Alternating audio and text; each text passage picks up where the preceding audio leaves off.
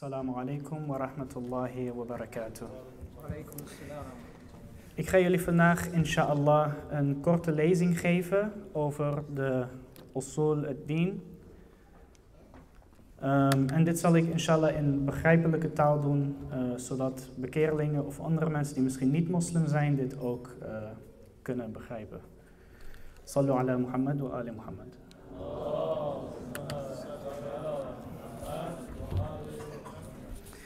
Ten eerste beginnen wij met wat is de islam en wat betekent de islam. Je hebt misschien wel eens gehoord dat islam vrede betekent, maar dit is niet eh, helemaal correct. Islam betekent eigenlijk onderwerping. Eh, en dit is de onderwerping aan de enige almachtige God, Allah subhanahu wa ta'ala. Usul al-din zijn de wortels van het geloof. Dus dit zijn de vijf dingen die elke moslim moet geloven. En zoals je misschien op het scherm kunt zien, zijn dit tawhid, adala, nabuwa, imama en qiyama. Allereerst beginnen wij met het belangrijkste punt en dat is tawhid. Tawhid betekent in het Arabisch eenheid, dus de eenheid van Allah subhanahu wa ta'ala. Hiermee bedoelen wij het aanbidden van alleen God en niks anders. In de islam is God één. Hij heeft geen partners en geen gelijkwaardigen.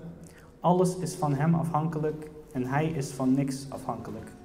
Hij is almachtig, alwetend, heeft altijd bestaan en zal altijd bestaan. Hij is niet gelimiteerd door tijd en ruimte, want hij is degene die tijd en ruimte gecreëerd heeft. Zoals de broeder net heeft gereciteerd in de eerste surah, uh, surah al-Fatiha, zeggen wij in elk van onze gebeden, Iyaka na'budu wa iyaka nasta'in. Naar u keren wij en van u vragen wij.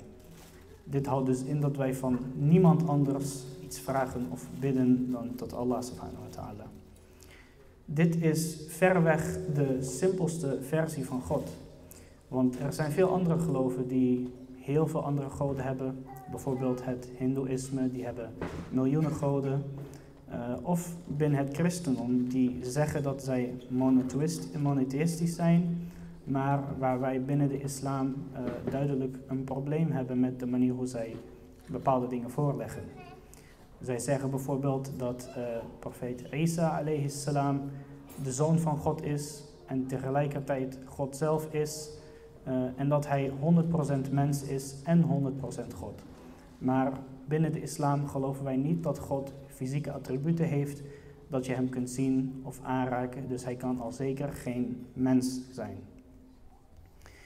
In onze mooie religie is profeet Isa alayhi salam dan ook een profeet en geen God of zoon. Um, even wat ik interessant vond om hierbij te vermelden over de tawhid. En een van de dingen die islam ook logisch maakt als religie. Um, er was een onderzoek door de uh, University of Oxford, waarin werd onderzocht of kinderen tussen de 0 en 5 jaar een intrinsieke um, geloofsovertuiging hebben. Dus dat zij van nature uh, eigenlijk ergens in geloven. En hier kwam uit dat het voor kinderen van 0 tot 6 jaar natuurlijk is om in een hogere macht te geloven.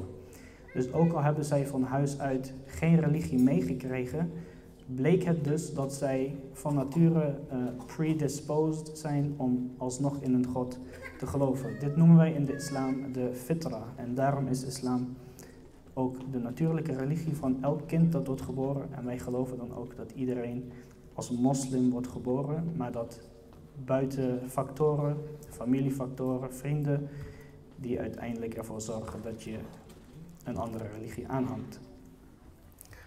Dan gaan wij inshallah naar het volgende onderdeel, de adala. Adala uh, betekent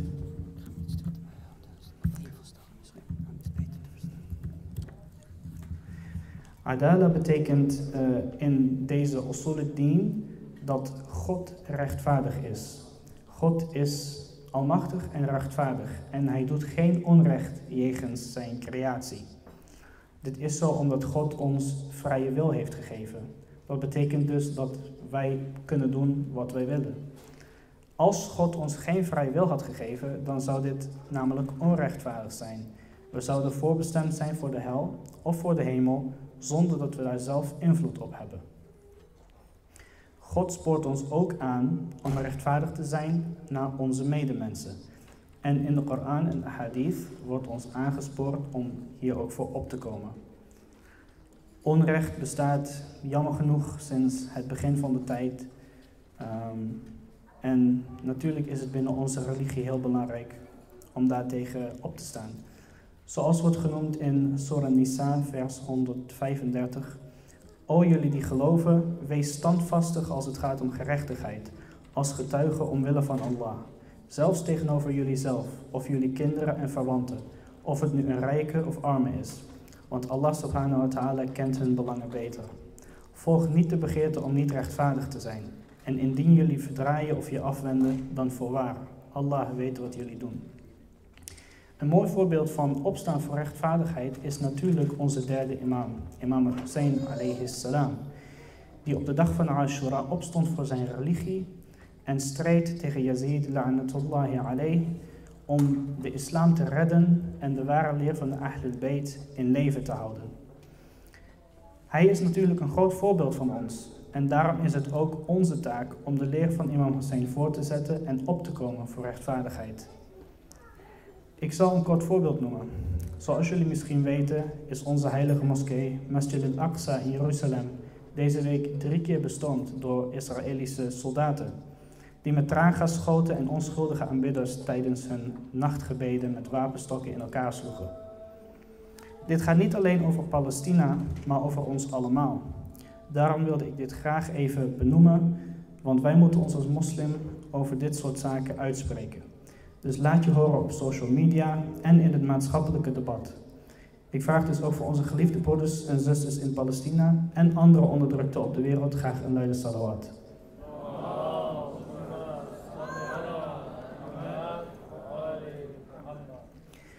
En ten tweede nog een luidere salawat voor de verlosser die ons uiteindelijk van al dit onrecht zal bevrijden, imam Sahib al-Asri wa.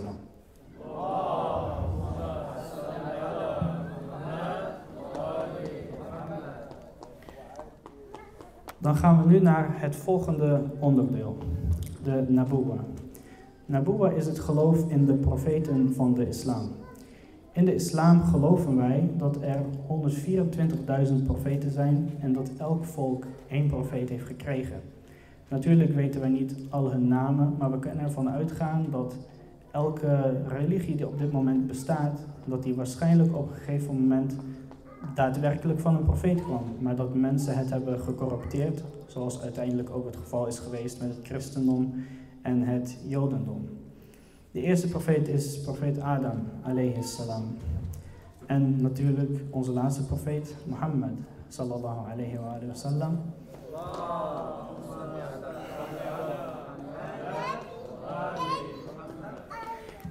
Het is belangrijk om te zeggen dat wij als moslims niet alleen in de Koran geloven, maar ook in de Torah, de Injil en een paar andere boeken zoals de Zabur, het boek van Dawood alayhi salam. Mensen denken vaak dat wij alleen in de Koran geloven en zullen daarom nooit een Bijbel of een Torah open doen. Maar in de Koran zelf zegt Allah subhanahu wa ta'ala dat er daadwerkelijk kennis is in deze boeken. En dat als wij weten hoe wij deze kennis moeten gebruiken, dat wij dan ook op het rechte pad komen. Maar wij geloven uiteraard dat de Koran het enige authentieke en onveranderde woord van Allah subhanahu wa ta'ala is. Profeet Mohammed sallallahu alayhi wa sallam is de laatste profeet en de profeet die wij dagelijks volgen. Daarom werden vroeger moslims ook wel Mohammedanen genoemd, maar ja, dat is een benaming uh, waar de meeste mensen het niet mee eens zijn. In ieder geval, dit is de profeet die ons onderscheidt van het christendom en het jodendom. Want vergis je niet, tijdens de tijd van het jodendom en de tijd van Nabi Musa salam was wat wij nu het Jodendom noemen ook de juiste religie. En tijdens de tijd van Isa salam was wat wij nu het christendom noemen ook de juiste religie. Alleen uh, namen zij toen niet Jezus als God, maar ook inderdaad als een profeet. Maar wat moet er gebeuren na de dood van de heilige profeet? Zou Allah subhanahu wa ta'ala ons zonder leider een spiritueel voorbeeld laten? Hierdoor komen wij op het volgende onderwerp, imama. Wij geloven als Shiïtische moslims dat Allah subhanahu wa ta'ala de moslimgemeenschap niet zonder leider zal laten. Daarom heeft de heilige profeet op de dag van de Gadir de hand opgestoken waarvan, van, waarvan degene waarvan hij zei, Ali is voor mij net zoals Harun is voor Musa. Harun was natuurlijk de broer van Nabi Musa alayhi salam. Op deze dag zei de profeet ook, Man kuntu maula fahada aliyun maula. Waardoor wij weten dat wij Imam Ali alayhi salam als onze eerste leider na de heilige profeet moeten volgen. Deze hadith komt niet alleen voor in Shiïtische boeken, maar ook in Sunnitische boeken. Het enige verschil is de manier waarop hij wordt geïnterpreteerd. Na Imam Ali alayhi salam hebben wij elf andere imams, waar de eindige, de laatste imam is, Imam al-Mahdi, ajalallahu faraj sharif oftewel de verlosser of de Messias. Want hij komt na het, eh, voor het einde der tijden naar onze wereld om het van onrecht te verlossen. Imams binnen ons geloof zijn zowel spirituele leiders als politieke leiders. Ze hebben dus, we hebben dus een directe leidraad naar Allah subhanahu wa ta'ala, omdat wij tijdens het leven van de imams direct dingen aan, hen, aan hun konden vragen. Wat betekent dit? Wat moeten wij hier doen? Wat moeten we daar doen? Nu kan dat natuurlijk niet meer, omdat wij in de tijd van de geib leven. Maar vergis je niet, Imam al-Mahdi ajalallahu faraju al-Sharif is nog steeds hier op deze wereld en we wachten op zijn komst en hij heeft zeker invloed. Alleen merken wij dat soms niet. Uh, laatste, imam zijn ma'soom, dus wij geloven dat zij vrij van zonde zijn. Dit wordt bewezen door de volgende ayah. إنما يريد الله ليذهب عنكم الرجس أهل البيت ويطهركم تطهيرا En Allah wil alle schaamte van jullie verwijderen, zodat jullie Ahl al-Bayt jullie puur en vlekkeloos maken. En zoals jullie waarschijnlijk al weten, was het gisteren de geboortedag van onze tweede imam, imam Hassan alayhi salam. Dus graag een luide salawat voor de geboorte van Qamar Bani Hashim, imam al-Hassan alayhi salam.